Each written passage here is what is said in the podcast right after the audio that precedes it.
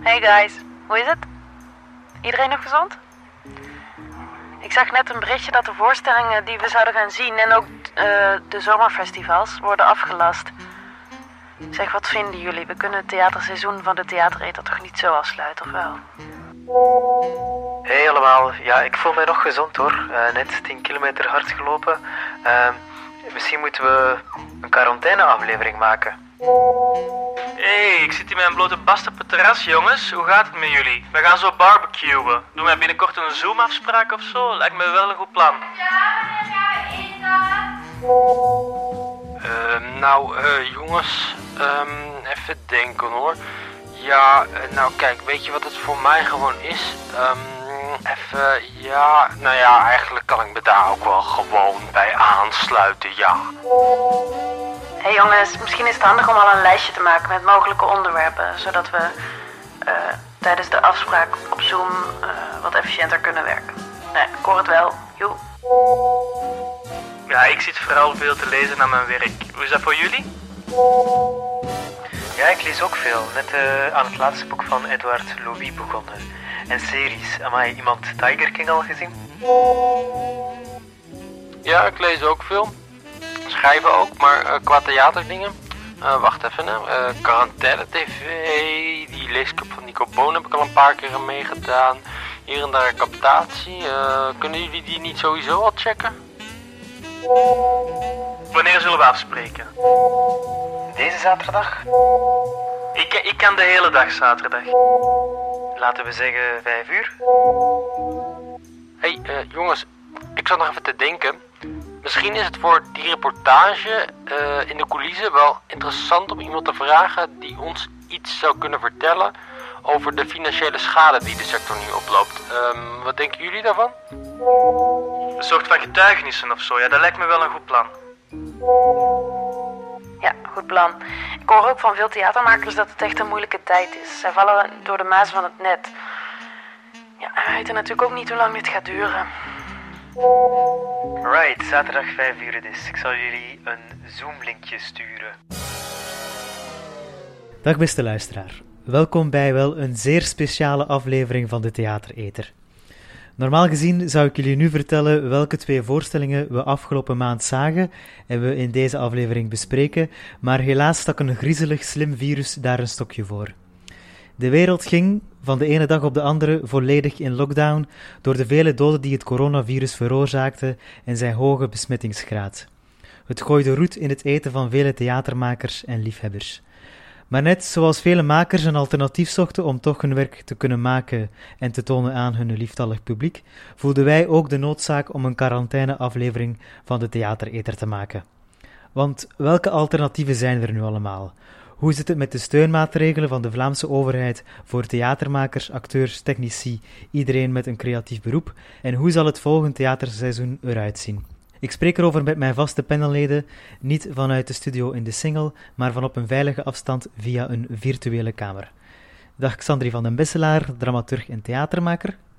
Uh, dag Matthias. Simon Bellens, uh, filosoof. Dag lieve theatereters. En Jonathan van der Horst, theatermaker. Wat leuk om jullie allemaal weer terug te zien. En mezelf, Matthias Corneli, uw moderator van dienst. Ja, hoe is het? Zijn jullie nog gezond? Gezond en wel. Uh, ik ben wel meer aan het sporten dan, dan ooit tevoren eigenlijk. Dus um, op zich... Dat is ja, wel ik gezond. denk, ik denk, ja, ik denk eigenlijk misschien wel gezonder dan normaal. Ik doe ook wel eens, soms doe ik wel eens een excuus joggingtocht of een excuus yoga sessie. Maar uh, ja, het zijn alibis. Ik ben moddervet aan het worden, jongens. het, is het is goed dat de camera alleen maar de buste toont. Oei, oei, oei. Ja, ik, ben ook, ik, ik, eet ook wel meer. Dus laat me zeggen, al dat sporten, dat is ook... Dat is misschien ook maar schone schijn. Ja, als je veel eet en veel gaat sporten, dan, dan ben je in evenwicht. Heel. Ja, zover, zover de duizend pixels hier op mijn beeldscherm toelaat, Jonathan, zie je er echt stralend uit. Dankjewel. Uh, zover de pixels dat toelaten, bij mij zie jij er ook uh, geweldig uit. Uh, wel een beetje nood aan een kapper. Precies. Ja, verschrikkelijk. Maar dat hebben we ook allemaal niet. Zeker. Zeg maar, ondertussen al negen weken geen theater meer. Hoe gek worden jullie? Of missen jullie niet echt? Ja, valt wel mee. Er zijn ook wel dingen die ik erger mis dan theater, maar ik mis, wat, ik, wat, ik, eh, eh, wat ik echt mis is zo het, het binnenlopen van een mooie zaal en het samen een, een beetje achteraf blijven plakken. En zo ongemerkt de tijd voelen passeren en plots is het heel erg laat. Zo, dat, dat, dat gevoel, zo sa- samen in die theaterzaal komen en dan in de foyer achteraf. Ja, ik ben nu zelf ook nog, nog eens terug aan het denken op het moment, naar het moment. Want we hadden eigenlijk net nieuwe voorstellingen afgesproken om te gaan bekijken met z'n allen. Eh, en toen was het ineens, patsboom, alles weg. Ik, ik bedenk me nu pas ineens Mhm. hoe, snel, hoe snel dat eigenlijk is gegaan. En hoe. Dat ik eigenlijk sindsdien nog steeds een beetje. Ik heb nog te veel in een soort van roes gezeten.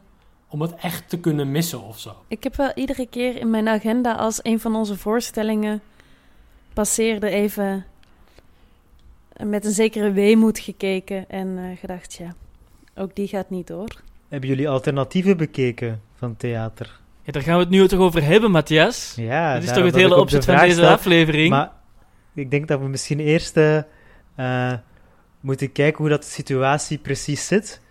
eh, nu in de theaterwereld en de cultuurwereld. Eh, en daarvoor ga ik naar u keren, Simon. Want ehm, wij hebben, allee, Xandri en ik hebben eh, Mhm. Wouter Hillaert geïnterviewd. Maar misschien moet jij even Wouter inleiden en daarna kunnen we dan luisteren naar het interview. Ja, want we zitten hier een beetje te mediteren op het sluiten van alle theaters. Dat betekent dat er geen theater gemaakt wordt, dat er ook heel veel werk en dus ook loon wegvalt.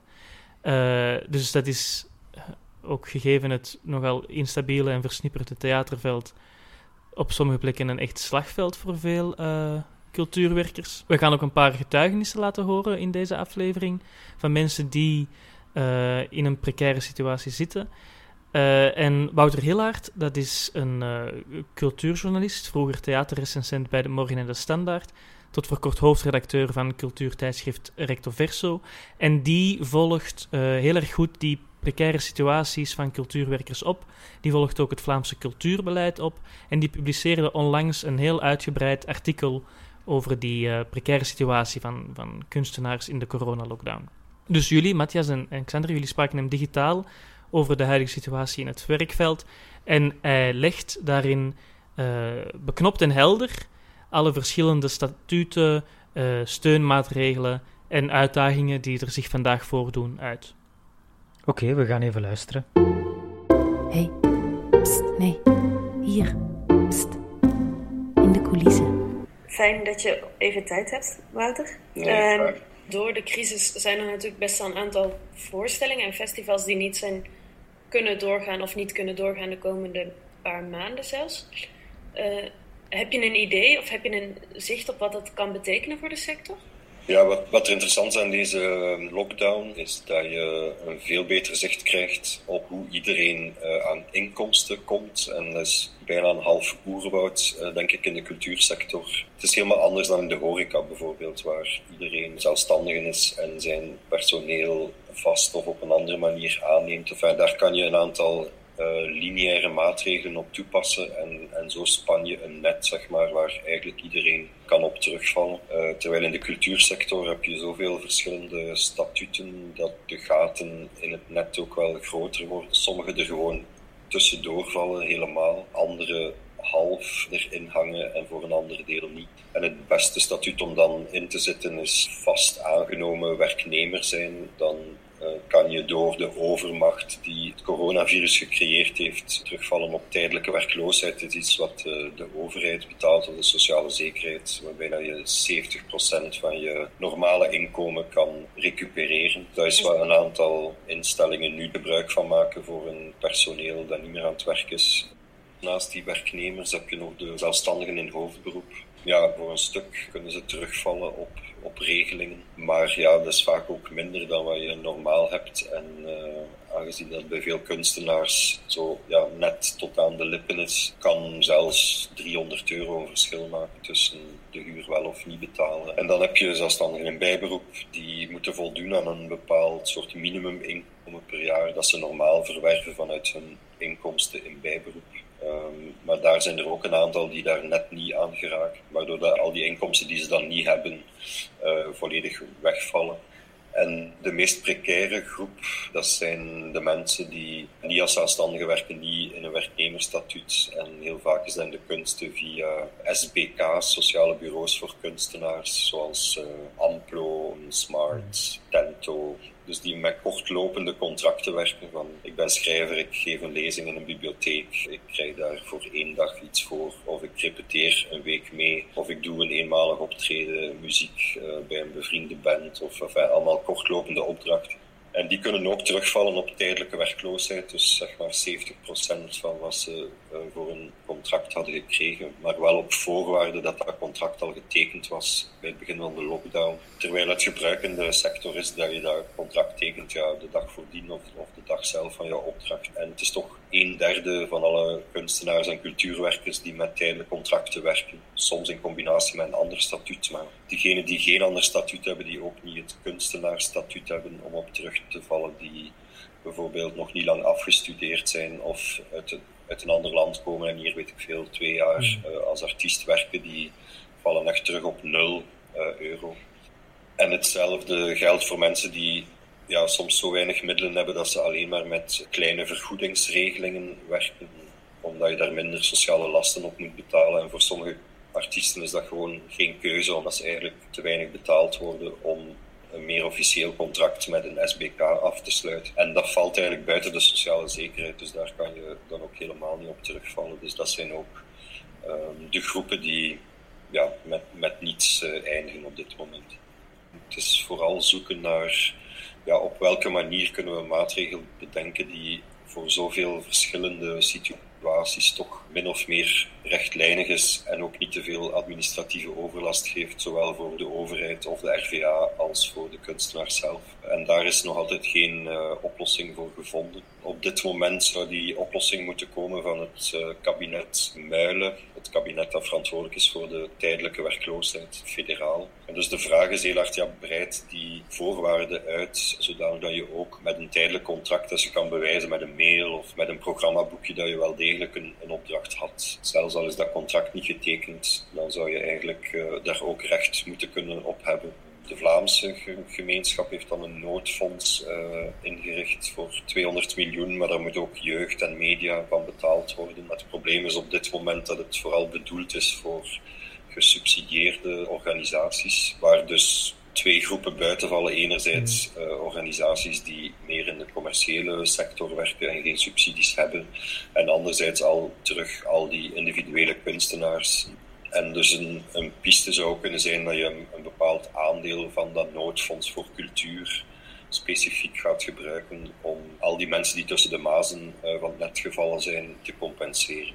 Is er hier lering uit te trekken voor de podiumkunsten? Ja, waar het je vooral mee confronteert, denk ik, zowel bij kunstenaars als ook bij beschouwers, uh, ook bij de overheid, is dat de werkomstandigheden van kunstenaars, en dat gaat ook echt breder dan de podiumkunsten, te instabiel zijn, te flexibel, te weinig beschermd om in tijden van, van crisis, maar ook daarbuiten, uh, denk ik, uh, ja, voldoende garantie te kunnen bieden dat iedereen een waardig inkomen krijgt. Het is een probleem die denk ik al heel lang aangekaart wordt, maar we worden er nu dubbel en dik mee geconfronteerd. En dan kan je heel utopisch beginnen dromen van dingen als een soort basisinkomen, een zelfstandige statuut voor kunstenaars die eigenlijk niet dezelfde hoge inkomsten vraagt als gewone zelfstandigen die uh, dat soort onderzoek en gesprek en dialoog moeten we nu denk ik voor onszelf ook aangaan om daar met goede voorstellen te komen tegen dat uh, de discussie gevoerd wordt. Ja, er zijn heel veel uitdagingen denk ik waar de cultuursector nog iets langer kan over nadenken dan de rest van de samenleving, omdat die weer aan het werk uh, moeten langzaamaan. Uh, daar moeten we echt een volle gebruik van maken of het gaat als een boemerang in ons gezicht terugkomen denk ik.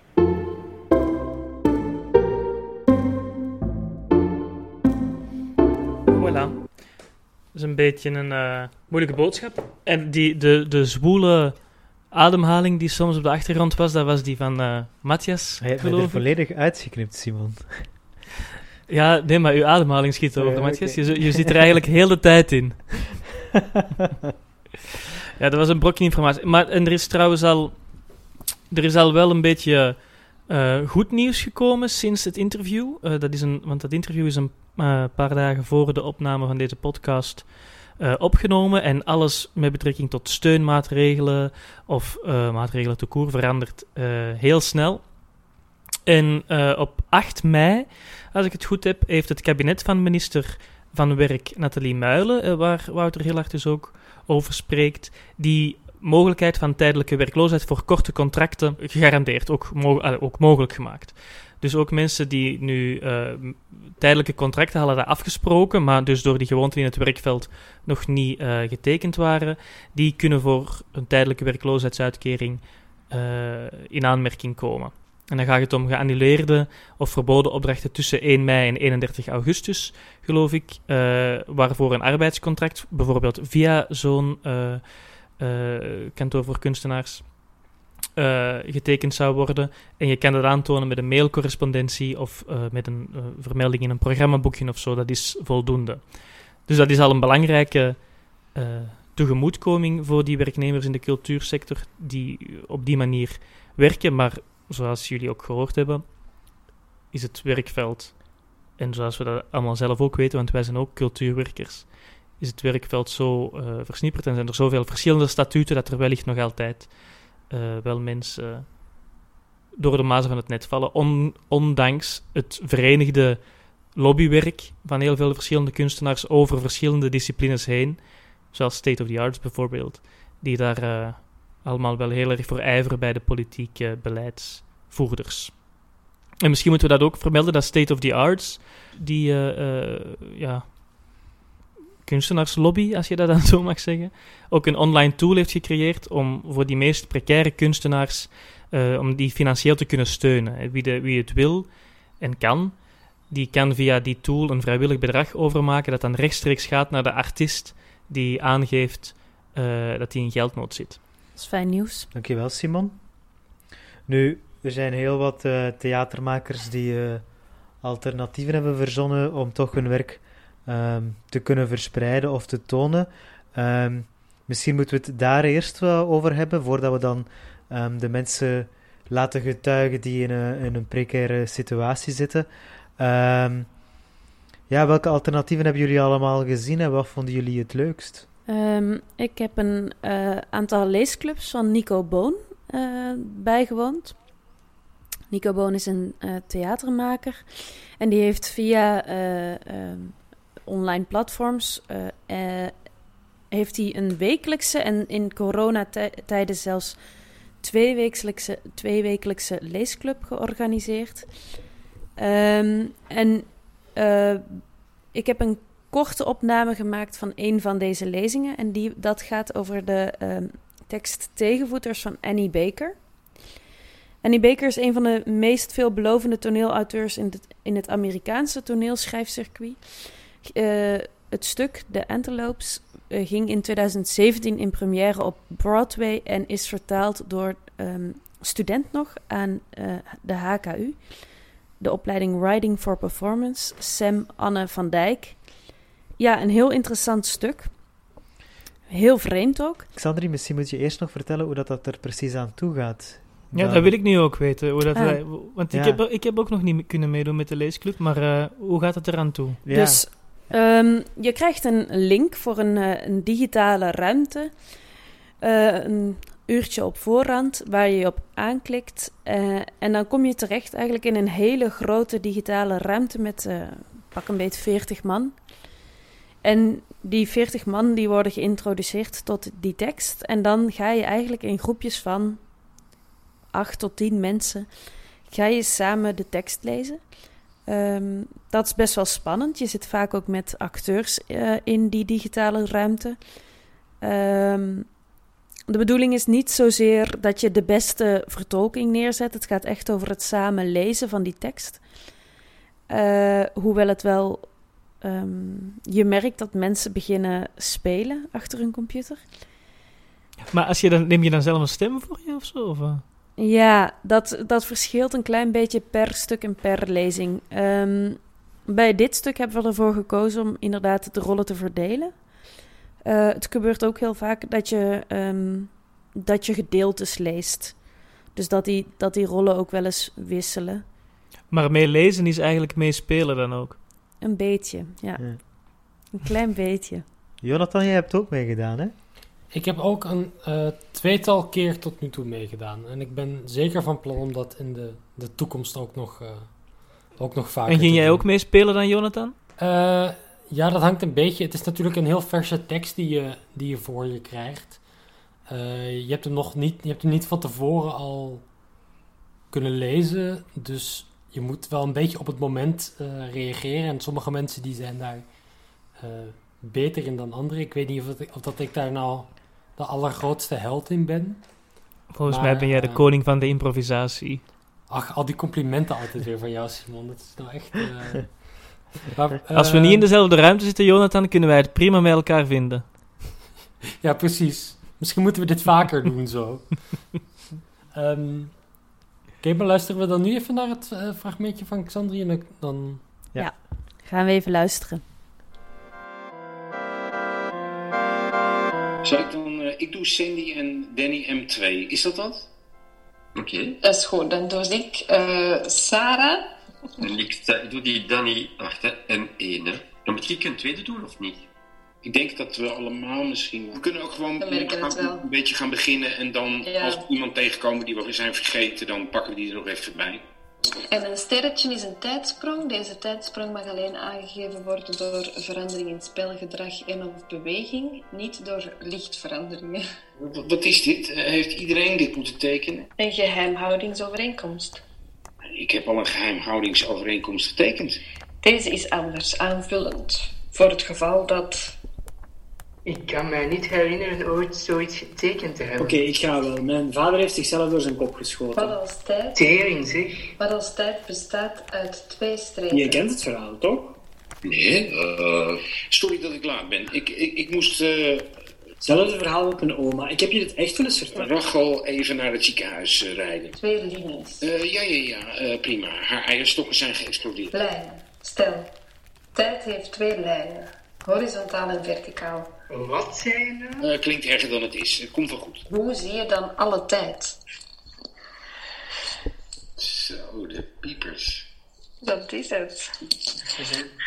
Einde. Zo. Nou, dat is wel een. eh, dat is wel echt een heel bijzonder stuk eigenlijk wel, hè? Ja. Ik ben ook heel benieuwd hoe het, hoe het is opgevoerd toen of zo. Ik heb ook meteen heel veel zin om trailers te, of te kijken of er een soort teaser van die voorstelling is. Om te kijken hoe ze dit... Ze zijn op zoek naar verhalen. Hoe, hoe dit gedaan is of zo. Maar dan als een soort businessmodel. Ja, maar dus dit is inderdaad ook nog iets met een soort van werkelijkheid en, en fictie. Het is allemaal nog een beetje aan het neerkomen, maar ja, je kunt er zoveel in zien. Maar ik heb niet het gevoel dat er iets vaststaat of zo.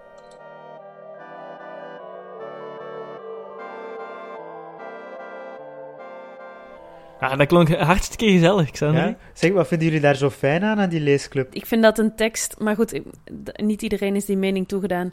Maar ehm, wat ik er zo bijzonder aan vind, is dat een, een, als je een tekst schrijft voor theater, is dat toch altijd een soort van halffabrikaat. Ehm, en personen die de tekst uitspreken, of normaal zijn dat natuurlijk de acteurs, die blazen die tekst eigenlijk als het ware leven in. En ehm, eh, soms is het best wel frustrerend om een theatertekst te lezen. eh, juist omdat, omdat je binnen jezelf en binnen je eigen verbeeldingswereld blijft zitten. En ik vind het heel verrassend om andere mensen de tekst soms te horen lezen. Omdat die andere accenten leggen, omdat die andere dingen lezen in teksten.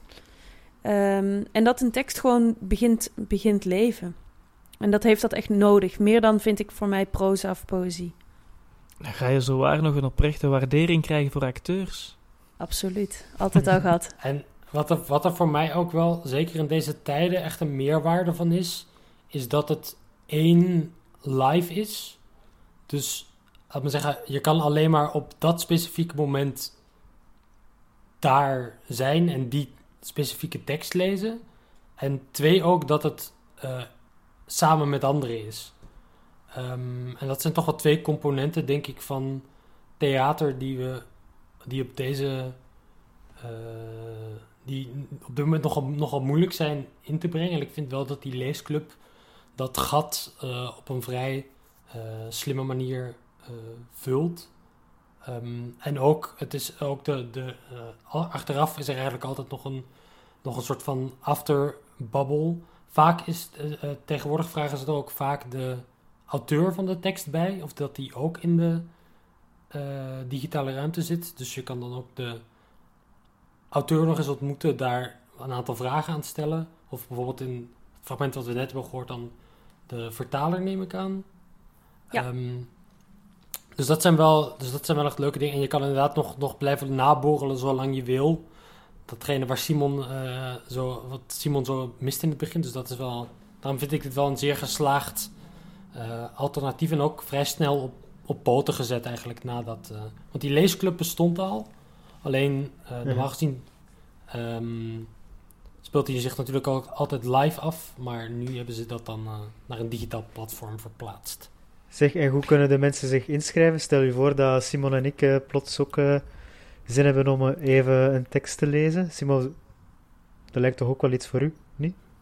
En dan moet je, wel, dan moet je natuurlijk wel het, het, het lef en de extraversie hebben om in zo'n groep ook te willen lezen. Maar ik denk inderdaad wel, ik ben het wel, het lijkt me zeer sterk uh, en veel meer dan theatercaptaties of de Zoom-voorstellingen die we nu zo vaak zien, het gevoel van samen theater uh, beleven op te roepen.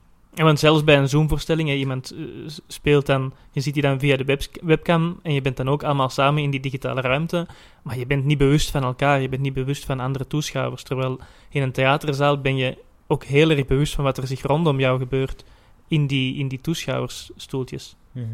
De mensen kunnen zich abonneren via um, Facebook. Dus je zoekt op Facebook de leesclub op van Nico Boon en uh, je raakt met hem bevriend en zo kom je in de Google Drive terecht met verschillende teksten. Iedereen moet vriend worden van Nico Boon. Absoluut. Of toch zeker van de leesclub. cool. Ik stel voor, uh, voordat we verder gaan, we kunnen het straks nog even hebben over de verschillende captaties, theatercaptaties die online zijn gekomen. Uh, maar voordat we verder gaan, kunnen we misschien eerst eens luisteren naar een getuigenis um, van een cultuurwerker um, die Xandri en ik hebben geïnterviewd. Um, Xandri, wie zullen we eerst laten horen? Um, ik denk dat het misschien wel goed is om te beginnen met uh, Sietse Remmers. Uh, juist omdat zij in de enorm precaire situatie zit die Wouter daar straks al eventjes schetste. Uh, zij, heeft, uh, zij valt binnen de SBK-regeling, uh, maar meer nog via de KVR-regeling. En uh, ja, al die inkomsten vallen nu weg. Oké, okay, we gaan even luisteren. Ik hoor iets. Yes. Ah, Hi, yes. hallo. Hallo. Hallo. Hoi, hoi. Mai, dat ziet er echt zo klaar uit. Die kleding is echt niet quarantaine. nee, het is eigenlijk, het, het, het, ziet er allemaal heel fancy uit. En dat is misschien ook wel, het is een nieuw pak. Maar het zit heel, Ja. heel lekker. En het is ook dat ik dit aan heb, omdat ik gisteravond een live presentatie had op Facebook. En toen dit aan had. En dan vandaag weer. Want dat is wel quarantaine voor mij. Ik ga niet elke dag iets nieuws uitzoeken. Uh, Sietse, wil jij je even kort voorstellen? Ik ben Sietse Remmers. Ik ben 30 jaar oud. Uh, zoals je hoort ben ik Nederlandse. Uh, maar ik woon nu een jaar of zes uh, hier in Leuven, omdat ik hier ben gaan studeren. En uh, sinds mijn, het afronden van mijn bachelor drama ben ik ook begonnen als zelfstandige en werk ik dus ook al professioneel hier en daar als theatermaker, actrice en docent. Welke projecten zijn er voor jou precies weggevallen? Um, nee, een, een belangrijkste project dat is weggevallen. Ik zou uh, een uh, monoloog hernemen in Amsterdam. Dat is uh, gecanceld. volledig en dat wordt waarschijnlijk ook niet verplaatst. En ik had ook bijvoorbeeld een bijbaan als jobstudent in de bibliotheek van mijn opleiding. En daar, daar, ben ik tijdelijk werkloos gesteld. Um, uh, en vanuit een studentenstatuut, dus daar krijg ik geen uitkering voor.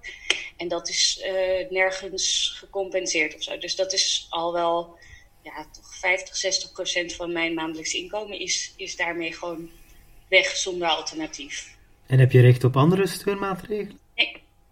Nee, Helemaal ik heb niet. eigenlijk nergens recht op. Ik heb wel eh, wat steun gekregen vanuit de KU Leuven. Eh, onder andere eh, omdat ik dus mijn eh, studentenjob ben kwijtgeraakt. Een eenmalige gift heb ik gekregen van één maand loon, wat ik normaal als jobstudent zou verdienen. En eh, vooralsnog heb ik enkel recht op een eh, lening via een Nederlandse eh, wetgeving voor zelfstandige ondernemers. Eh, maar ja, goed, dat is een lening. En eh, ja, ik ben een cultureel ondernemer. Ik verwacht niet dat ik vanaf eh, over een paar maanden in één keer meer geld ga verdienen en dat dan terug kan betalen. Dus eh, dat, daar begin ik liever niet aan. Ja, dat snap ik. Is er ruimte voor nu, nu andere dingen te doen? Of, of, of zijn er plannen? Of begin je na te denken over theater op een andere manier misschien? Ehm, ja, ehm, enerzijds, ik heb een aantal plannen en eh, die eh, dingen waar ik eerder al over nadacht, die door corona en ook door ehm, eh, Zoom-meetings met andere culturele ondernemers, eigenlijk een soort van informele netwerkborrels vanuit huis, eh, misschien wat verder zijn gegroeid. Ehm, eh, heb ik wat ideeën ontwikkeld om eh, mijn creativiteit en mijn artistieke vermogens in te kunnen zetten op een meer ehm, corporate markt, om het zo maar te zeggen. Ehm, en dat komt ook vanuit het idee dat ik merk, ik ben toch wel heel kwetsbaar financieel. En dat vind ik een naar gevoel. en ik zou liever daar iets meer eh, ruimte in hebben. En ik hoef daarin zeker niet rijk te zijn, maar ik zou het fijn vinden om in ieder geval een beetje tegenslag te kunnen opvangen. Maar ik moet zeggen dat op dit moment dat het werk wat ik wel heb, eh, en, maar dat vervangen is door online varianten, bijvoorbeeld online lesgeven, eh, kost, vind ik heel fijn, ben ik heel dankbaar voor, ben ik heel blij mee. Maar het kost me heel veel meer energie dan wanneer ik live les geef, zoals ik al jaren doe. En ik denk ook wat belangrijk is om misschien mild te zijn naar mezelf, maar dat we misschien sowieso mild moeten zijn naar elkaar. Dat we niet van onszelf moeten of kunnen verwachten dat wij zo productief zijn als in normale tijden.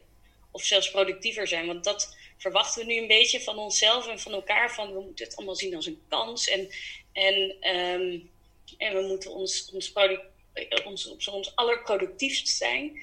En ik denk dat we daaraan een beetje voorbij gaan aan de, aan de impact van de stress die het geeft dat je eh, angst hebt om besmet te worden. Of gewoon simpelweg dat je mensen niet kan zien, niet kan vastpakken.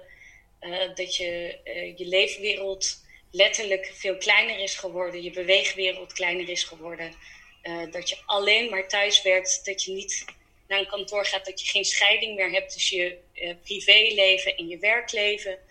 En Ehm, ik merk dat dat mijn productiviteit niet heel veel goed doet. En ik denk dat het ook goed is om dat uit te spreken naar mezelf toe en naar anderen toe. En, en daar eerlijk en mild over te zijn. Dat, ja, ik heb zelf ook in de eerste week geroepen... eh, Shakespeare schreef King Lear in quarantaine. En eh, dat is mooi en dat is inspirerend. Maar misschien moeten we dat niet als de standaard zien. En gewoon zeggen, het is al heel knap als we overleven. Hoe gaat het met haar nu eigenlijk? Heb jij nog van, of hebben jullie nog van Sietse gehoord sinds jullie haar gesproken hebben? Nee, eigenlijk. ehm, dus ik was blij eh, te horen. We hebben haar inderdaad ook voor de laatste maatregelen.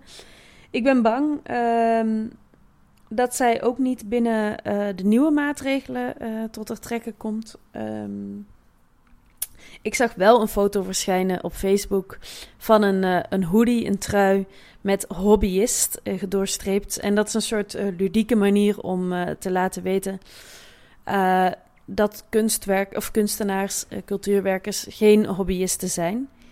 Ehm voilà. We hopen dat het goed met je gaat, Sietse. Laat iets van je horen.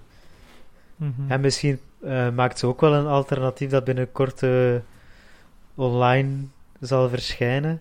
Eh, hebben jullie Maar wel... het ding met die online alternatieven Ja? is natuurlijk dat ze ook vaak niet betaald zijn. Hè? Klopt. Klopt. Het verdienmodel van het theater is mensen in het theater krijgen. Maar dat is nu ook wel aan het veranderen hoor. Ik zie in het begin werd er inderdaad heel veel eh, gratis weggegeven.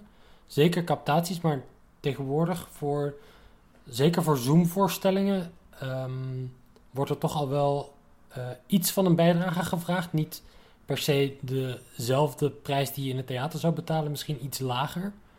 Ehm, mm, maar daar, wordt- daar wordt al wel eh, volop mee geëxperimenteerd. Dus ik zie daar wel nog ehm, in de toekomst zeker eh, vooruitgang in komen. Hebben jullie, al, hebben jullie nog hebben jullie theatercaptaties bekeken? Van podiumaanhuis.be bijvoorbeeld, die, die, er veel aanleverde. Of ook in Tegent, die voor een dag eh, Milo Rauw eh, zijn reprise online eh, zetten. Wat, wat vinden jullie daarvan, schatten. van die theatercaptaties? Ik krijg ze niet uitgekeken. Ik, het lukt me gewoon niet. Ik heb ook echt, ik heb in corona-lockdown tijden ook het, het concentratievermogen van een goudvis of zo. Het is verschrikkelijk. Eh, maar het lukt me niet om ze uit te kijken. Ik, vind, ik vond captaties altijd heel erg handig als je een voorstelling gezien had. En een soort van gearchiveerd eh, beeld waar je nog eens kan naar teruggrijpen van hoe zat het nu. Eh, en ook wel soms is om zo iets, iets, iets voor te bereiden. Maar om het echt als een voorstelling op zich te bekijken, ik, het spijt me, maar dan vind ik het eigenlijk... Het toont alleen maar hoe belangrijk het is om samen daar in die zaal te zijn. Om die nabijheid van die andere mensen te voelen. En om ook het gevoel te hebben dat je samen beleeft wat er zich, op, wat er zich in die zaal eh, afspeelt. Voor mij toch, althans. Ja. Mhm. ja, ik kan me daar wel een beetje bij aansluiten. Ik vind het... Voor mij is de onttovering van wat er op, het, op de scène gebeurt... ehm, wat je in de zaal voelt, is zo groot dat ik het... eh, dat ik het ook maar moeilijk... eh, dat ik er moeilijk naartoe grijp. Dat ik, ik merk dat ik meer een boek lees, een documentaire kijk, een podcast luister... dan dat ik eh, voorstellingen ga bekijken. Ja, het is Met inderdaad... alle liefde trouwens voor de mensen die die allemaal zo online willen zetten. En die zijn vaak ook heel erg mooi gemaakt, die captaties. Maar het is, Ja, het is inderdaad. Wat het, ik merk inderdaad dat het wel. Het is, je hebt natuurlijk niet. Dat, wat je bij theater ook altijd een beetje hebt, is dat je toch ook een soort van opgesloten zit. Je kan niet echt weg, zeker als je midden in een rij zit of zo. Dus hoe goed of hoe slecht je de voorstelling ook gaat vinden, eh, je hebt besloten om die tijd in die ruimte eh, door te brengen. En dat heb je bij een captatie natuurlijk niet. Je kan die op pauze zetten, je kan weglopen, je kan thee gaan zetten. Eh, dus je hebt niet diezelfde concentratieflow ehm, die je bij een voorstelling normaal gezien hebt. Dus dat, dat snap ik helemaal. En daar zijn ze inderdaad ook verschrikkelijk voor, die captaties. Waar ik ze wel heel, waar ik ze zelf heel prettig voor vind, is om voorstellingen te kunnen terugzien die ik eh, in het theater compleet gemist heb. Ik heb toch echt wel een aantal, al een aantal voorstellingen die ik al jaren eh, wil bekijken, maar die niet meer hernomen worden of die niet meer, ehm, niet meer op, de, op, de, op, de, op de programma staan, eh, op deze manier toch kunnen terugzien. Maar dat is misschien Zeg eens welke, Jonathan? Zeg eens ja, welke. bijvoorbeeld eh, Hanna en Martin van Willem de Wolf en Lineke Rijksman van De Mug met de Gouden Tand en De Koe. Dat is echt een voorstelling die al over, over de relatie tussen eh, Hannah Arendt en eh, Martin Heidegger, twee filosofen. Eh, dat is een voorstelling die ik al heel lang heel graag een keer wou zien. Eh, is, er nooit van gekomen. Of ook... ehm, hoe heet die nou ook alweer? Poëten en Bandieten van de Warme Winkel. Ook zo'n voorstelling over Boris Ricci, een Russische dichter, die ik ook al jaren wou zien, waar ook nooit van gekomen. Dus, ehm, maar dat is misschien meer echt voor de echte theaterfreaks. En ik vind ook, ik kijk er zelf, omdat ik ook maker ben, kijk ik ook naar die captaties van, ah ja, hoe lossen ze bepaalde theatrale dingen, hoe lossen ze die op? Of Ehm, ben ik toch ook meer als maker naar die captaties aan het kijken of zo. Eh, dus dat is misschien een blik die de gemiddelde eh, theaterkijker niet zou hebben. Maar ehm, ik, vind, ik, zou het wel, ik zou het zelf wel prettig vinden als eh, gezelschappen de, eh, wel captaties blijven delen, ook na deze. Of dat er in ieder geval een soort van centrale plek zou zijn waarop dat je eh voorstellingen kan terugzien. Ik weet dat je in Nederland had je een lange tijd het toneelinstituut, waar dat menig toneelstudent urenlang videotapes heeft zitten opvragen om... Absoluut. op- Bertolt Brecht. Xandri weet er Meer dan alles eens van. gezien. Ehm, en, die- en, en zo'n plek mist er op dit moment wel een beetje. Dus ik hoop dat dit wel een eh, soort van Dat is, ik kies het misschien daar. En waar heb je ze nu gevonden? Uh, op verschillende plekken. Sommige hadden de gezelschappen zelf gedeeld. Uh, andere inderdaad via op uh, het podium aan huis staat er ook een aantal. Je hebt ook voor Nederland. Wel, podium aan huis is wel een goed reservoir, ja. toch? Eigenlijk ja. van... Als je inderdaad, ik zou inderdaad. Ook voor meer Vlaamse. Voor Vlaamse groepen zou ik inderdaad daar beginnen. Uh, voor Nederlandse groepen heb je thea Theaterflix, dat heet het denk ik. Uh, daar staan veel Nederlandse voorstellingen op.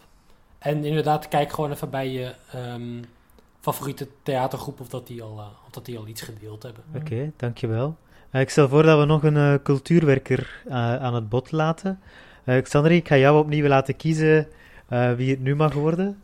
Wat ik me trouwens wel nog, nog bedenk over het vorige, ik vind het wel belangrijk, denk ik, dat we, ook al is het handig dat het er is, dat we iets wat zo collectief is als een theaterervaring, niet laten individualiseren.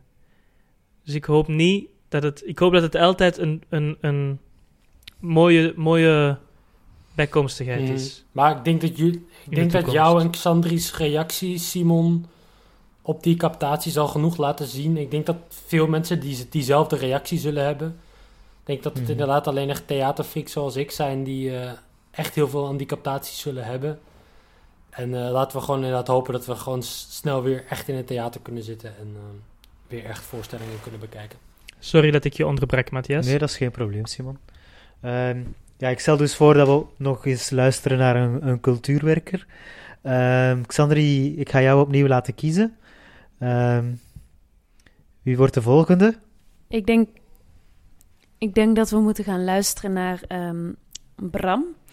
Bram Geldhof. En uh, hij is een uh, technieker, een theatertechnieker. Hij zou bij Rosas uh, beginnen. hij zou daar een voorstelling from scratch mee maken. en is helaas, um, zoals je duidelijk gaat horen, niet betaald geweest omdat hij bij een SBK um, in, in loondienst zou worden genomen. En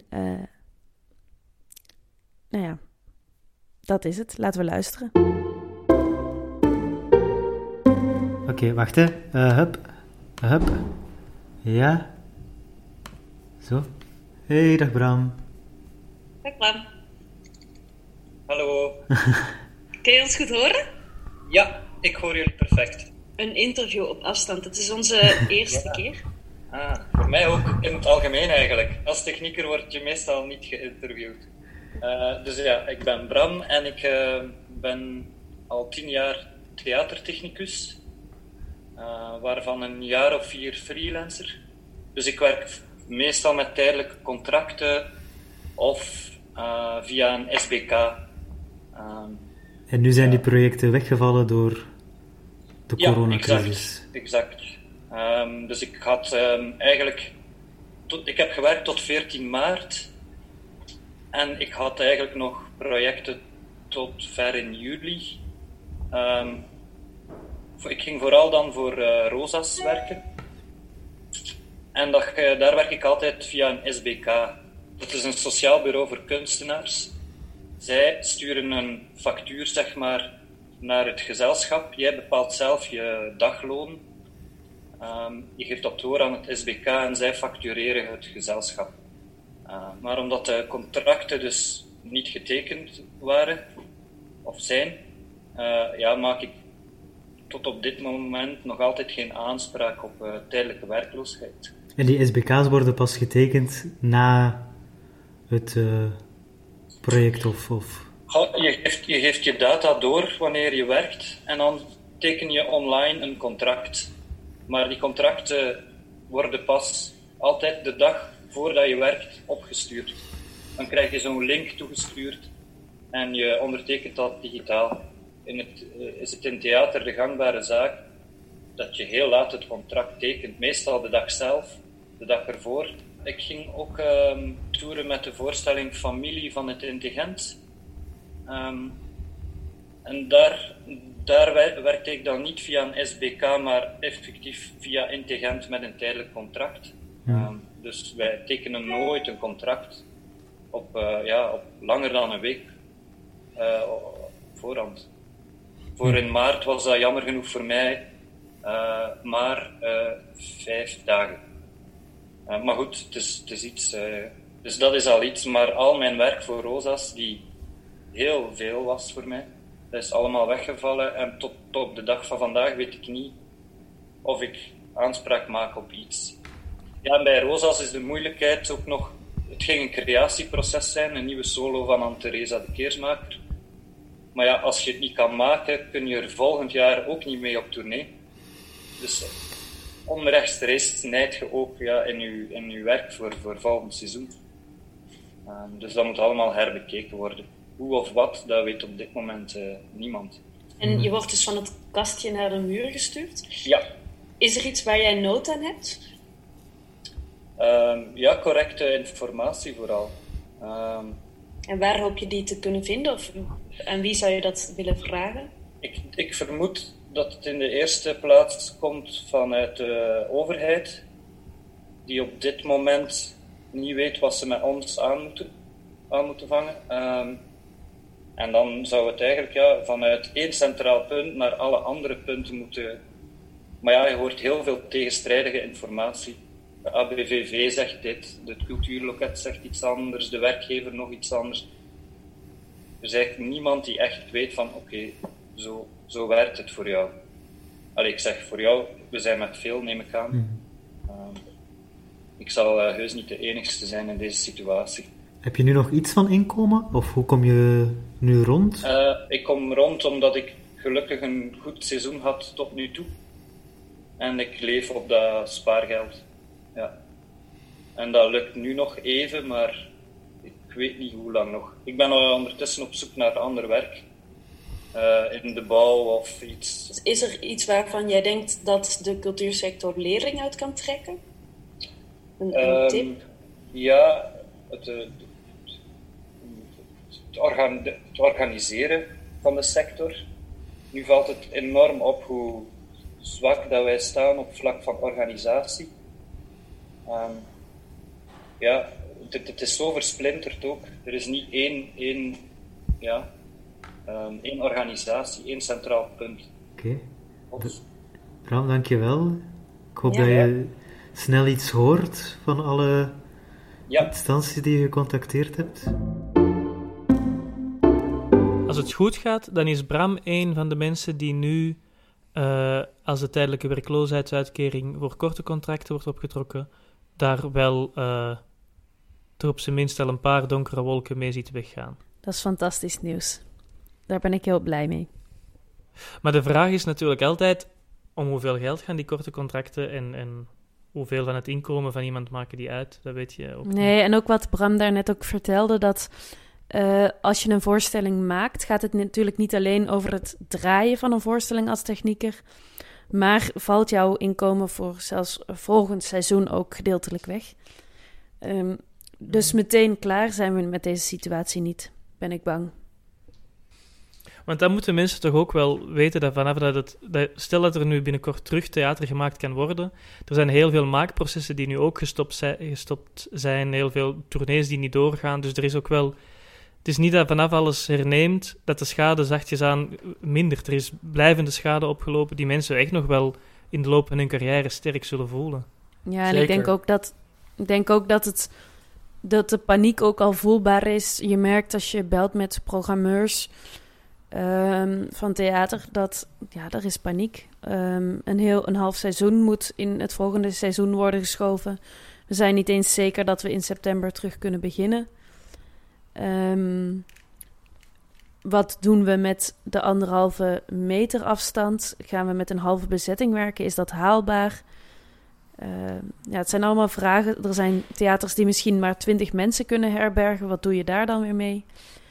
Uh, ja, het is, ik vind het een spannende tijd. Ik denk dat ik onlangs las dat ze in OPEC in Leuven hebben ze dan in de zaal 200 stoeltjes of zo. En als je er de, de sociale afstandsregeling moet houden, dan konden er nog 49 mensen in. Ja.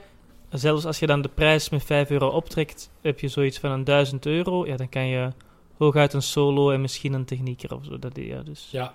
Grote voorstellingen zitten er in die logica echt helemaal Dat zijn inderdaad wel, uh, wel de getallen waar we mee te maken hebben. Ja, maar uh, ben, uh, ik vind schrijnende cijfers. Uh, Ja, misschien moeten we nog eh, één ehm, eh, alternatief bespreken voordat we dan eh, nog verder gaan over de toekomst van het theater, over het seizoen 2021. Ehm, dus ja, er worden niet alleen theatercaptaties online gegooid, ehm, maar er is ook live theater eh, via videochat. Ehm, hebben jullie daar iets van bekeken? Ik heb er wel een aantal gezien, ja. Ja, ik ben je tegengekomen, Jonathan. Dat klopt inderdaad. We hebben inderdaad sa- samen in een voorstelling gezeten. Zonder dat we het, Ja, zon- kan je iets meer vertellen daarover? zonder dat we het wisten van elkaar zelfs. Dat zijn nog eens de leuke verrassingen. Ehm, ja, we hebben gekeken naar de eh, voorstellingen van Runa Roebroek. Ehm, de voorstelling heet All We Ever Look For. Eh, was haar masterproef eh, bij eh, Luca Drama in Leuven. En die voorstelling, daar zou ze eigenlijk een tour mee gaan maken langs een aantal theaters. Maar die zou ze ook in een groot aantal huiskamers spelen. Ehm, en die tour is natuurlijk ook eh, stopgezet wegens de maatregelen. Maar zij heeft besloten om dat via Zoom te gaan doen. Dus het, eh, het voor velen waarschijnlijk inmiddels wel bekende eh, online platform. Ehm, dus ja, daar, en daar kwam ik jou toen ineens tegen, Matthias. Ja, klopt, klopt. Vond ik wel fijn. Was heel onverwacht. Ehm, wat vond je van de Maar je, voorstelling je zelf? zag elkaar dan bij de toeschouwers, maar je kon niks tegen elkaar dus zeggen of zo, vijf toch? minuten op voorhand werd er gevraagd om eh, in te loggen eigenlijk op Zoom. Allee, de link te openen. En dan zag je alle toeschouwers. En dan kon je ook een babbeltje slaan met de, met de toeschouwers. En dan kwam er nog iemand bij. En dat was dan, was dan uiteindelijk eh, Runa zelf. Eh, met daarop een blad. de voorstelling begint over enkele minuten. En toen begon de voorstelling ook effectief. En werden wij allemaal op mute gezet, denk ik ook. Ja, iedereen werd op mute gezet. Of, of werd er gevraagd om Ze had een mute aantal, te plaatsen? Ze had een aantal papiertjes met een aantal instructies, ehm, waardoor dat je de voorstelling, laat me zeggen, op de meest ideale manier beleeft. Dus inderdaad, eh, alle computers van de toeschouwers op mute, ehm, eh, op speaker, op beken- wel bekende speakerview zetten, eh, zodat eh, je de, de, de spreker van de voorstelling zo groot mogelijk ziet. Ehm, alle andere beeldschermpjes van alle andere mensen zoveel mogelijk in de hoek werden zoveel mogelijk in de hoek gedreven. Dat had ze allemaal heel goed voorbereid. Eh, En hoe, was de voorstelling, hoe ging de voorstelling zelf dan in zijn werk? ja, dus zij speelde vanuit haar, van, vanuit haar woonkamer. Ehm, en de voorstelling is. het is een monoloog. Eh, dus de voorstelling is wel echt gedreven vanuit tekst. En dan op bepaalde momenten in de tekst ehm, onderbrak ze. Of dan maakte ze haar beeldscherm zwart. En dan verplaatste ze haar laptop en dan ging ze ergens anders zitten. Dus op die manier had ze wel een soort van dramaturgie in haar eigen, eh, een soort van scenografie bijna zou je kunnen zeggen, in haar tekst aangebracht. Eh, er zat ook nog een, ehm, nog een soort van korte onderbreking in, met een aantal dansende stofzuigerrobots. En wat ook wel, eh, of wat ook wel hielp bij die voorstelling, was dat de, de voorstelling ging over angst en niet alleen willen zijn. Dus op een bepaald moment stond ze al, stond al haar eh, angsten op. Ehm, eh, waar er wel een aantal eh, herkenbare tussen zaten. Er zat ook een, hier en daar kleine aanpassingen gemaakt in de tekst, zodat eh, die een beetje meer aansloot op de huidige situatie. Ehm, dus voilà, zodoende. Ja, en ze heeft ook een linkje doorgestuurd naar YouTube. eh, waar je dan muziek moest beluisteren. En dan eh, werd er beeld getoond van rondrijdende stofzuiger. Allee, ja, stofzuiger? Waren dat stofzuigers? Ja, Ik weet het eigenlijk niet. stofzuigrobots. Maar dat, dat is een redelijk kleinschalig initiatief, toch? Want met hoeveel waren jullie in de... Wij waren er met een Eh. stuk of 15 mensen, denk ik. Ja. Want er zijn ook wel veel grotere Zoom-captaties ondertussen.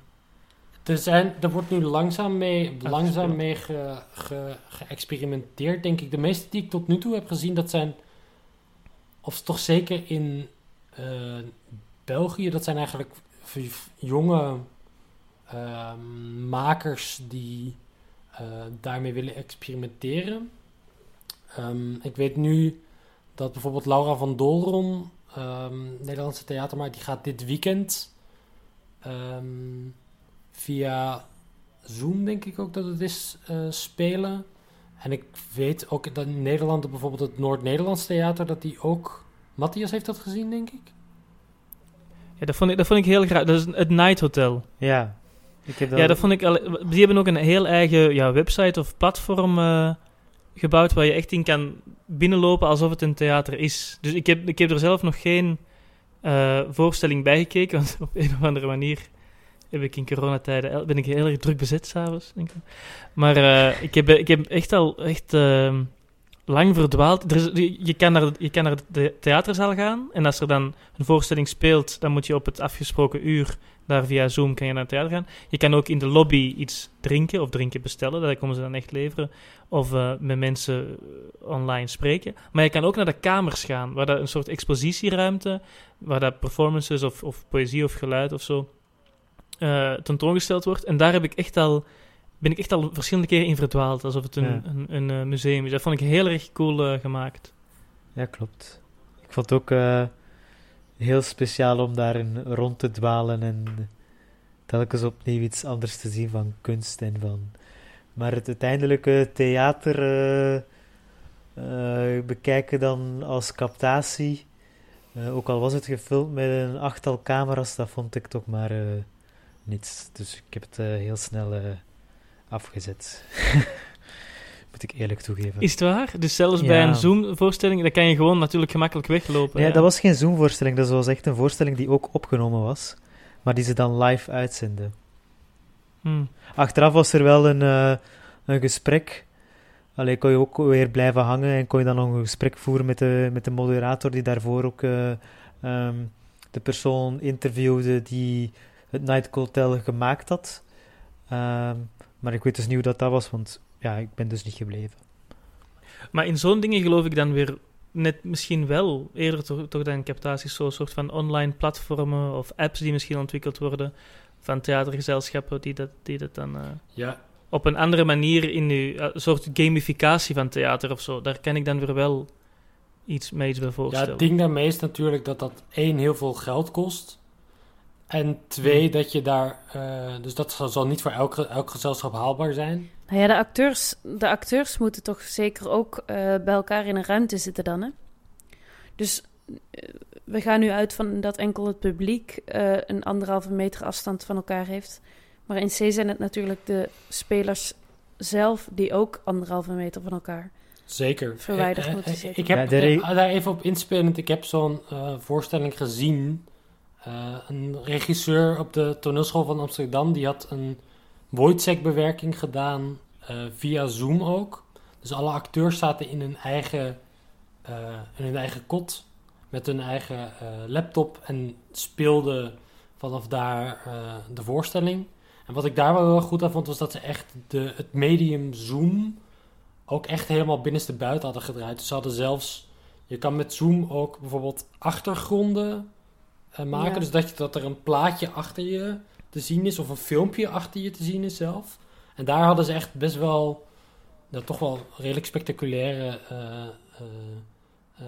visu- nou, nou ja, binnen, dus voor zover dat natuurlijk gaat, op het internet visuele effecten meegemaakt. En op een bepaald moment, de, de regie zat ook heel strak in, strak in handen van de regisseur. Dus die kon ook echt heel goed bepalen op welk moment welk beeldscherm te, te zien moet zijn. Dus ik, die hadden echt dat, medium wel echt heel goed gebruikt. En ik denk dat de beste vormen die we daar de komende tijd van gaan zien, zijn inderdaad ook vormen van theater, waarbij dat, dat medium ook echt wordt ingezet en opnieuw wordt eh, en voor, naar de hand van het theater wordt gedraaid of zo. Ehm, De artistiek leider van het Noord-Nederlands toneel heeft trouwens in het NRC eh, Handelsblad gezegd dat het geen coronaproject is, maar dat het de toekomst is. Dat het digitaal, digitale theater de toekomst is. Ehm, Maar dat lijkt me vooral een slimme verkooptruc. ja. wat, wat vind jij daarvan, Xandri? Ik zie je maar heel bedenkelijk kijken. Ook al zie ik maar, Eh, allez, ook al zie ik je maar heel klein. Wat vind ik Ik daarvan? weet dat jij daar geen voorstander van bent. Ja, ik ben, eh, ik, ik ben benieuwd. Eigenlijk vooral. ik geloof dat er zeker ehm, manieren zijn om, ehm, om schoonheid te delen. Ehm, maar ik ben wel heel benieuwd. eh, Ik weet dat het Noord-Nederlands toneel ook bekend staat om zijn, om zijn grootste spektakels en zijn vernuftige eh, toenadering van, of benadering van theater. Het is vooral een, een, een, een, eh, een interesse met een kleine bedenking, denk ik. Ik moet trouwens... Een kleine frons. Om nog, Een kleine nog, frons. Nog heel even ehm, daarop door te gaan. Ik moet wel zeggen dat ik het gevoel heb dat er in Nederland al veel sneller en inderdaad veel harder geroepen wordt dat de, eh, de, hoe dat de toekomst van het theater eruit moet zien. Ik weet ook bijvoorbeeld dat het Nationale Toneel, het Nationale Theater in Nederland, die hebben ook al een soort van eh, hele alternatieve programma, programmering opgezet. eh, die binnen de anderhalve meter samenleving uit, uitvoerbaar zou moeten zijn. Ehm, ik heb wel het gevoel dat, dat, dat daar Maar al veel Jonathan, grotere... dat komt toch gewoon omdat Nederlanders megalomane handelslui zijn? Eh, ja, daar wou ik inderdaad naartoe gaan, Simon. Maar fijn dat je het al zelf even aandraagt. ik weet inderdaad niet of dat op een cult- cultureel verschil kan duiden. Maar ehm, ik vond het in ieder geval wel opvallend dat er in Nederland al, qua alternatieven dat het al een stuk harder aan het lopen is. En dat het hier in België eh, wat stiller blijft. Maar misschien is dat ook goed, hè? Misschien is er daardoor juist wel meer bezinning en eh, komen we artistiek juist uiteindelijk weer beter uit de hoek. Dat eh, moeten we gaan meemaken natuurlijk. Ik kan niet anders dan denken aan, het, aan de reportage die we een tijd geleden met Selm Wenselaars hadden. Waarin Selm zei: ehm, Misschien moet de theaterwereld een half jaar op slot.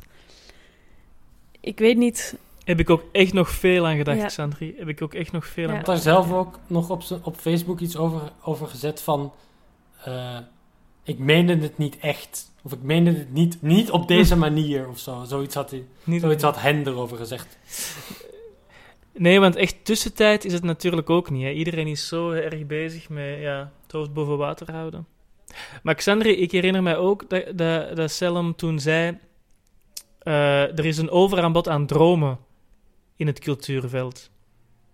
En de mensen die nu echt zonder inkomen vallen en Deliveroo of eh, fietscourier worden...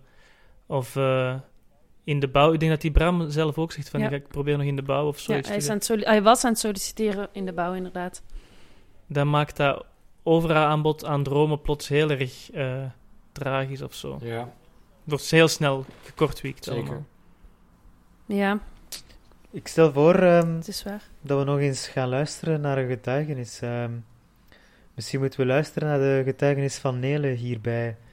Ik vind dat er wel... ehm, haar voorstelling is ook afgelast. Ging normaal gezien voorbije zaterdag spelen.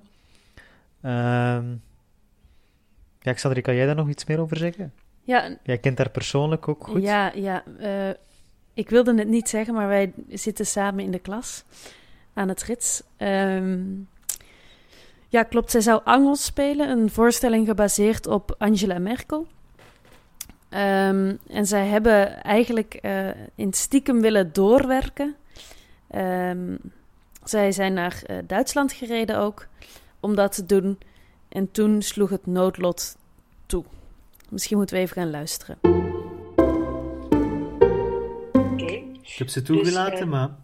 Ah, Ah, voilà. Nele, ja, Nele zit in de digitale ruimte. ah, ik zie ze. Ja, Welkom Nele, kun je ons horen? ze hoort niets.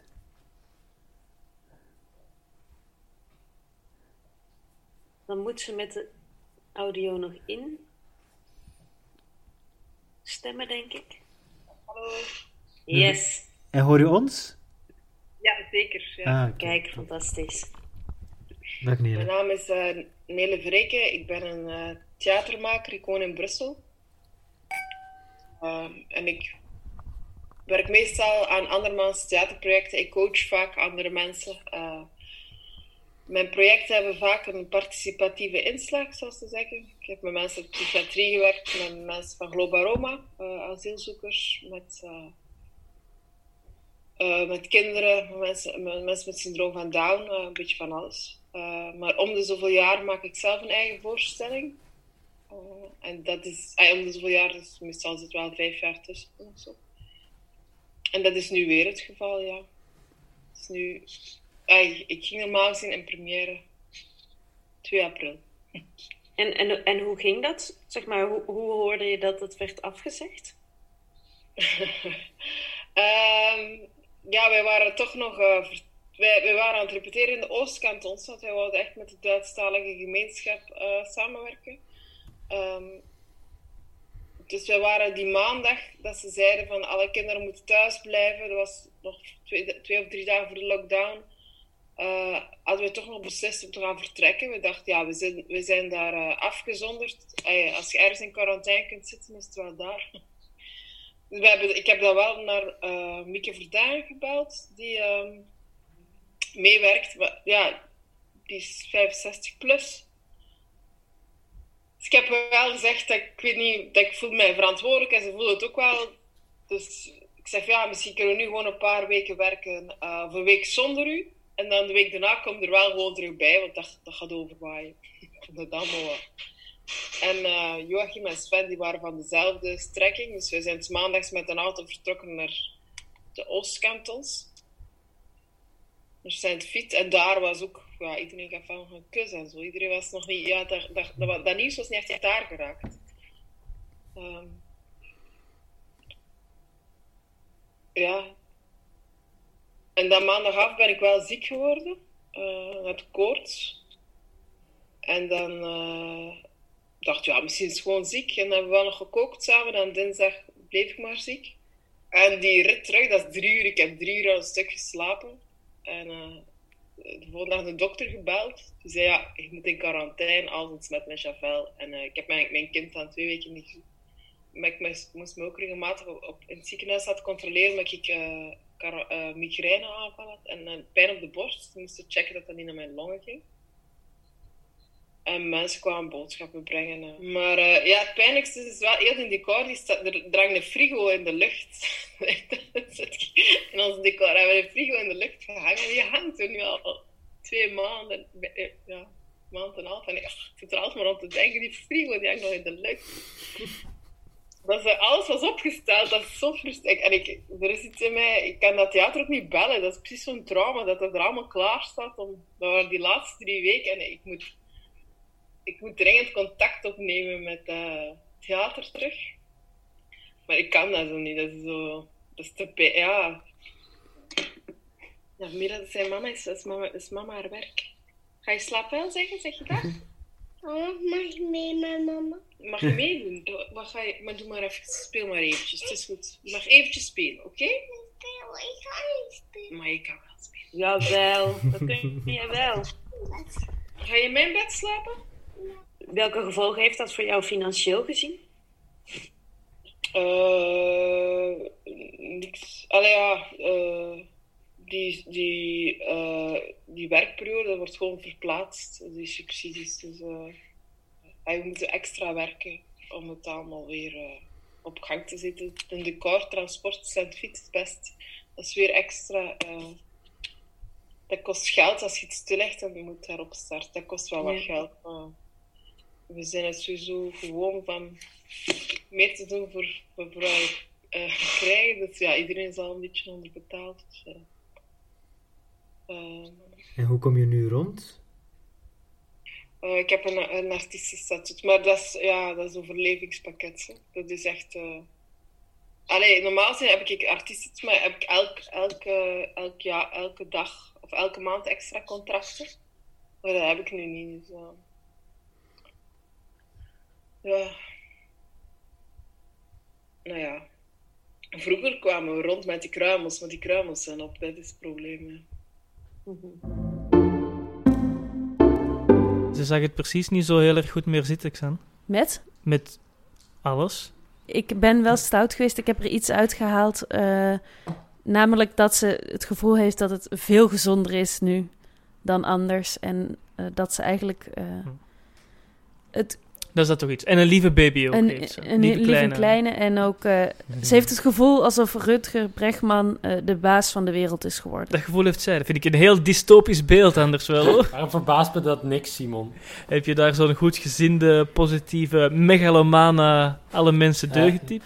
Nee, of, of, of bedoel je Nederlander, Simon? Volgens mij is dat wat je wil zeggen, Nederlander.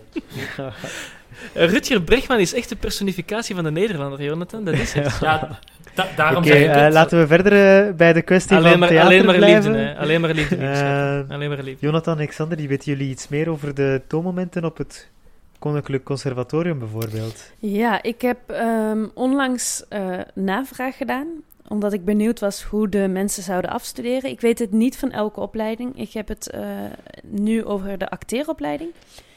Ehm, ja, dat is eh, volgens mij heel. ehm, dat moet heel raar zijn. Zij gaan eh, afstuderen in eh, de Zwarte Zaal. Dat is een zaal in het conservatorium. Een vlakke vloertheatertje. Ehm, en de enige die daarbij aanwezig zullen zijn, is de jury zelf. Dus de jury gaat op anderhalve meter van elkaar zitten en zij zullen degene zijn die het zullen beoordelen. Ehm, dat is heel zwaar gevallen, dat nieuws. Dat is natuurlijk heel moeilijk, want degene die je goed gezind zijn en die jou graag zien en graag zien slagen, ja, dat zijn de mensen die het nu via stream zullen moeten gaan bekijken. Ehm, Het wordt wel via stream uitgezonden. ja, daar kun je voor kiezen. Daar kun je als student zelf voor kiezen. Eh, en dat kan natuurlijk meerdere keren herhaald worden, maar de masterproef zelf, waar je op afstudeert, dat gaat alleen voor jury zijn. Heftig. Ja.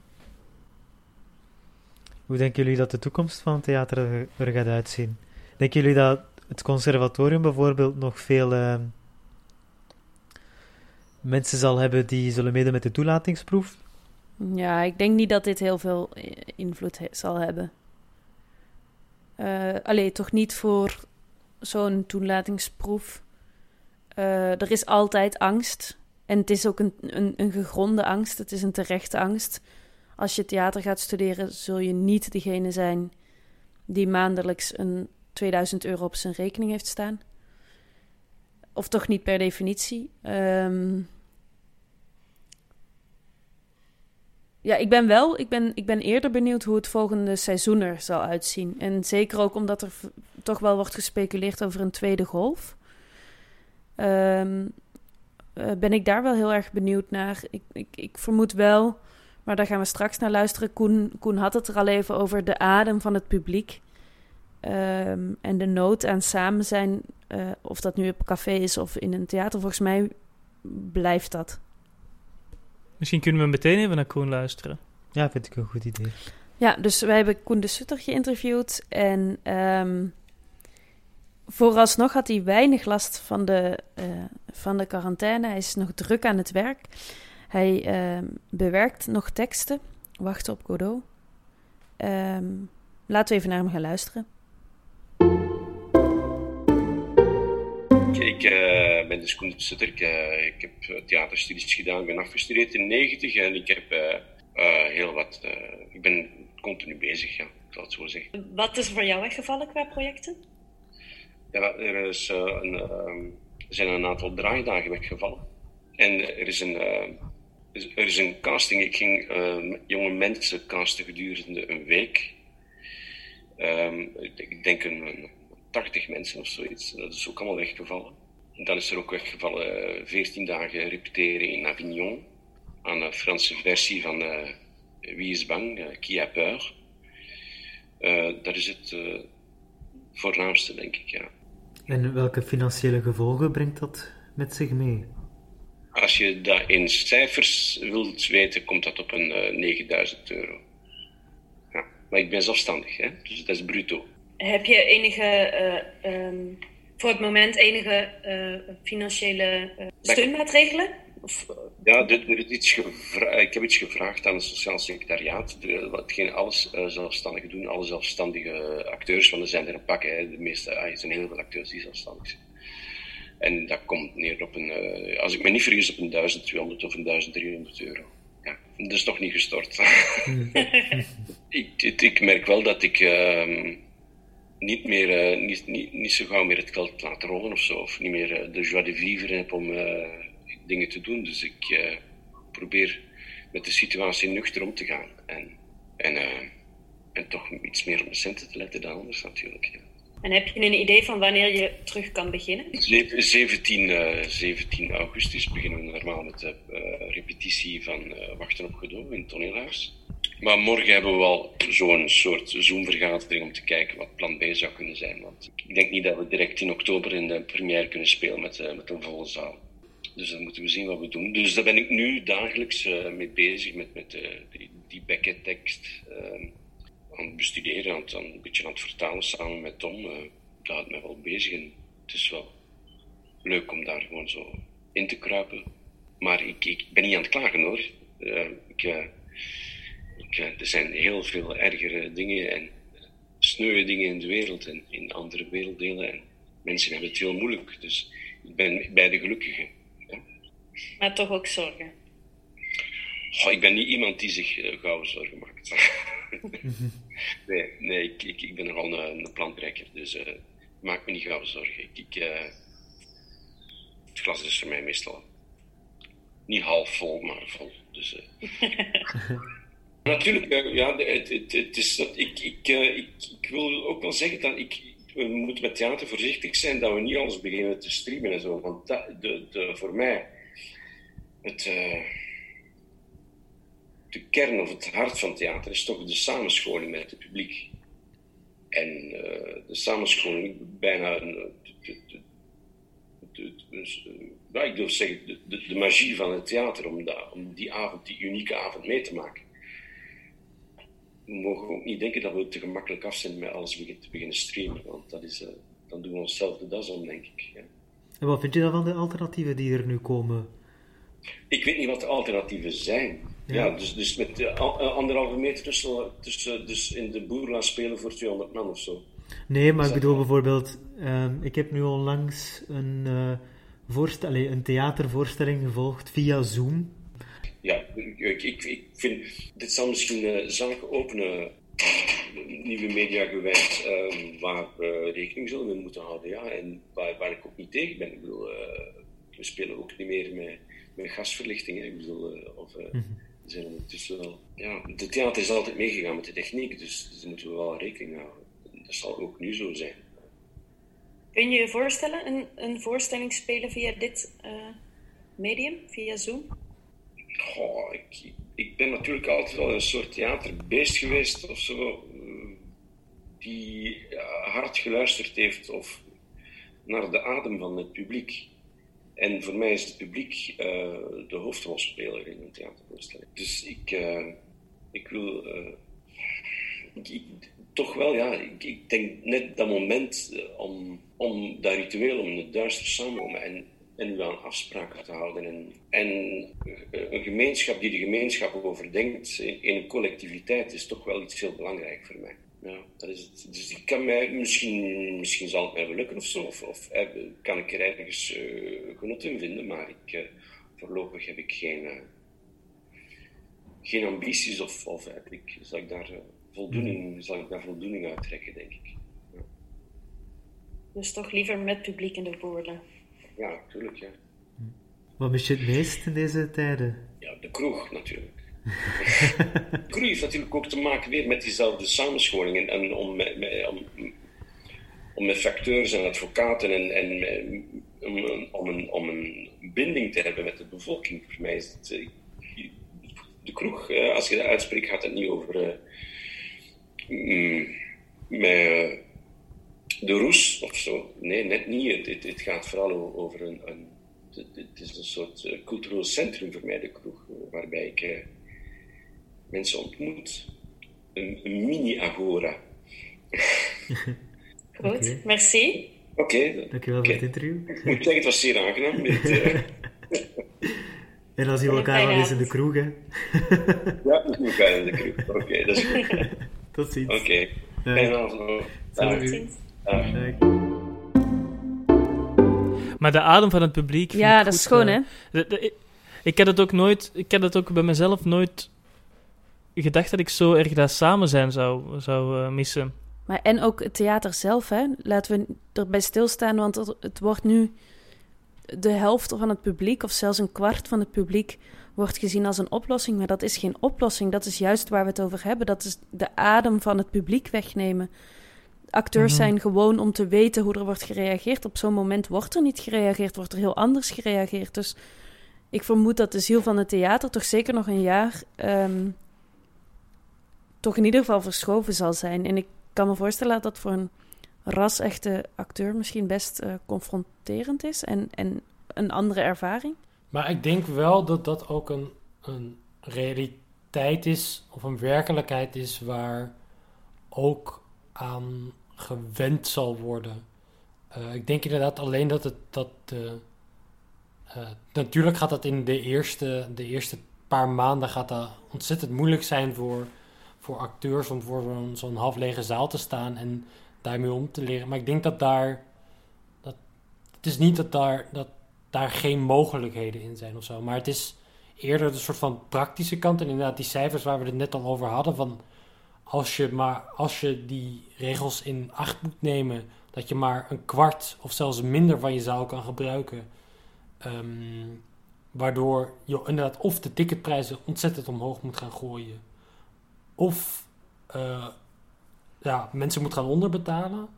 Ehm, ik denk dat daar, in het, dat, dat daar eerder heel veel eh, het heel erg zoeken gaat zijn van oké, hoe kunnen we toch iets mogelijk maken? Ik denk ook dat het eh, dat we ook zeker niet mogen eh, niet te veel mogen hopen op dat het op, op een normalisering, maar dat we echt bezig moeten zijn met van oké, wat is er wel mogelijk en wat kunnen we, wat kunnen we eventueel wel doen? Ehm, en dat gaat, heel, dat gaat nog steeds heel pijnlijk worden, denk ik. Die pijn die, nu, die, die eerste pijn die je nu bij, ook in die getuigenissen hoort, die gaat, eh, die gaat denk ik nog zeker een jaar, een jaar doorklinken, denk ik. Ja, misschien nog wel eh, erger. Als project op project stilvalt of wegvalt. Ja. Eh, en effectief mensen, ik, heb het, ik hoor het nu al om me heen in de bouw. eh, nu niet in de horeca, maar eh, verschillende jobjes schoonmaken. Ja, daar zullen, ik, ik, ik vrees echt voor combinaties. Ja, en ik denk dat het, dat het enige wat daar een einde aan gaat kunnen maken is een vaccin. Ehm, en dus laten we duimen maar- en ja, hopen maar dat, dat, dat, dat, dat er snel aankomt. Maar Denken jullie dat we met een vaccin terug gaan kunnen naar eh, de normale gang van zaken? Dat weet ik niet. Ja, daar ben ik dus ook bang voor, want ik denk dat er bij... Weet je, eh, in de stad speelt dat misschien nog net iets minder, maar heel veel culturele centra hebben vooral een ouder publiek. En die mensen zijn, die zijn nu heel erg bang. Die doen een grote smetvrees op. Ook als er een vaccin is, gaat die angst niet meteen weg zijn. Dus eh, en ik, ja, ik heb ook helemaal geen, geen zin om zelf, hè, zelf als toeschouwer heb ik ook helemaal geen zin om te wennen aan het idee dat je afstand moet houden van elkaar, of dat je een stoeltje moet tussenlaten, of dat je elkaar eh, niet mag vastpakken, of iets niet van, het glas mag proeven van een ander in een foyer of zo. Maar daar gaan we sowieso de komende periode aan moeten wennen. Want die, die regels die gaan, niet alleen, die gaan niet alleen blijven gelden in het theater, maar in, op elk mogelijk vlak in Mhm. de samenleving. Dus ehm, Ja. ik denk ook dat, dat, dat, dat daar toch wel, dat gewenning daar ook wel in gaat optreden. Maar het is inderdaad wel waar, het is inderdaad wel waar dat wat je zegt. Ehm, dat het zou best kunnen dat inderdaad mensen gewoon bang blijven om, om, om, om en, en wegblijven, inderdaad. Kunnen we eindigen met een eh, positieve noot? Eh, Ja, ik want, ook- eh, kunnen we nog ergens vrolijk van worden. Ja, ik denk- wat, ik, wat ik sowieso wel denk is dat Oei. er... Oh nee, jullie vallen weer weg. Ja, maar Matthias... Nee, jij valt weg, Het Matthias. is allemaal jouw schuld. Ah, waren we net aan de positieve noot toe, hè? Shit. Ja, oké, geen positieve noot. Dag, Ja. lieve luisteraar. Oké, wie doet de afkondiging, jongens? Eh, Ja, Matthias is weggevallen. Wacht, ik zal hem doen. Ehm, Ja. Ah, Matthias. Ah, mai, zeg, hoeveel keer gaat dat inter hier in? Wij waren, al, wij waren al bezig met de afkondiging. Je moet niet meer terugkomen. Je moet echt wat aan je internet doen. eh.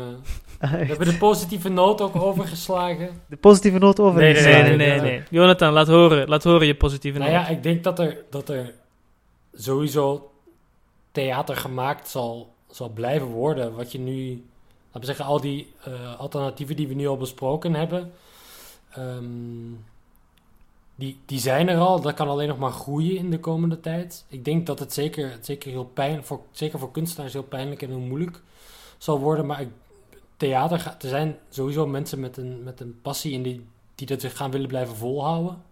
Uh, op wat voor manier dan ook. Dus theater gaat er sowieso gemaakt worden. En ik ben heel benieuwd naar, uh, naar de nieuwe vormen en de nieuwe, de nieuwe ideeën die we de komende tijd gaan zien. Dus ik vind het, hoewel het een ontzettend moeilijke tijd is, vind ik het ook een heel spannende tijd. En een tijd vol, um, vol nieuwe uh, opties en mogelijkheden. Dus daar kijk ik ook ergens wel nog naar uit. Hoe zit dat voor jullie? Ik realiseer me, jongens, uh, heel belangrijk dat ik nog even een, uh, een suggestie moet opperen voor de luisteraars. Decamerone. Mijn moeder heeft op mijn hart gedrukt. Decamerone, luister Decamerone van Ita. Dus ik wil toch nog zeker even uh, doorgeven aan onze luisteraars. Luister dat. Het schijnt fantastisch mooi te zijn. Kan je het luisteren als podcast? Want ik dacht je dat moet je het, moet bekijken ja, op je de bekijkt site van het inderdaad. Maar Ah, het is ja, wel voordragen, Oké, het is niet dus- gespeeld. Dus de luisteraars gaan dan gewoon naar de site van ITA en daarop kunnen ze de Voilà. YouTube. En- YouTube, bekijken. het staat op YouTube. En, en dan hebben we het nog niet eens over quarantaine-tv gehad, jongens. Ja. Al die positieve noten om mee af te sluiten. Ah, ja. Voilà, kijk. Misschien moet jij dat nog even uitleggen, Simon. Ah, dat, ben ik, dat, is, dat is wel een beetje eh, een van mijn favoriete verdwaalpauzes geworden. Quarantaine-tv. Ah, vertel. Ja, ja verdwaalpauze op, het inter- op, op YouTube of Ah, zo. ja, oké. Dus dan heb je even gekeken en dan gewoon... Dan, eh, dan blijf je verdwaald op quarantaine-tv. Ik vind het een fascinerende wereld. En het straalt ook zo... Het straalt een beetje de vrijplaatsachtige sfeer van het theater uit. Ja, ik moet de hele tijd denken aan werk, het werktheater. Het heeft zoiets eh eclectisch, iets eh, experimenteels. Ehm, zeker niet elke scène is per se geslaagd, maar het is zo fijn. Ze doen ook niet te erg hun best. Vind ik, heel- vind ik leuk. Oké, en dat kunnen ze ook dus bekijken op eh, Yes. YouTube. Ja, Eh, eh, gewoon, het- het dat is toch Zuidpark en dan Quarantaine TV, Ja, dacht maar ik. als je gewoon lang genoeg verdwaalt op het internet, dan kom je er wel op uit, denk ik. Ah, kijk, het is zo makkelijk Ver- vindbaar al. Verdwaal, mensen, verdwaal. Goed, ehm, dan wens ik jullie allemaal eh, heel veel verdwaalplezier. Ehm, dan wil ik ook nog altijd mijn, eh, mijn panelleden en de mensen bedanken zonder wie deze podcast niet tot stand had kunnen komen. Ehm, bedankt Simon. Hou jullie goed, lieve schatten. Bedankt Xandri. Jullie ook. Veel eh, gezondheid en eh, wandelplezier met deze podcast. Bedankt Jonathan. Leven het theater. En natuurlijk ook bedankt aan Wouter Hillaert, Nele Verreken, Koen de Sutter, Sietse Remmers en Bram Geldof voor de interviews. Volg de zendelingen op alle sociale mediakanalen. Je kan deze podcast terugvinden in je favoriete podcast-app, Spotify, Soundcloud, TuneIn, Stitcher en Castbox of via de website van de zendelingen. En als je de podcast leuk vindt, vergeet dan ook niet om te liken en te abonneren, want dan kunnen de mensen die ons nog niet gevonden hebben ons makkelijker terugvinden. Hou jullie goed en gezond, stay safe en graag tot gauw in het theater. En, wat vond je Wat ervan? vond je ervan? Wat vond je ervan? Mooie beelden. Schitterend. Ik heb al betere stukken gezien. Zeg, die ene acteur. Die was zo sexy, hè? Die Wat een rot. Oh, wat prachtig. Wat was dat? Een kakvoet. Ik heb er mijn Wat was dat? twijfels over. Het trok echt op niks. De theatereter.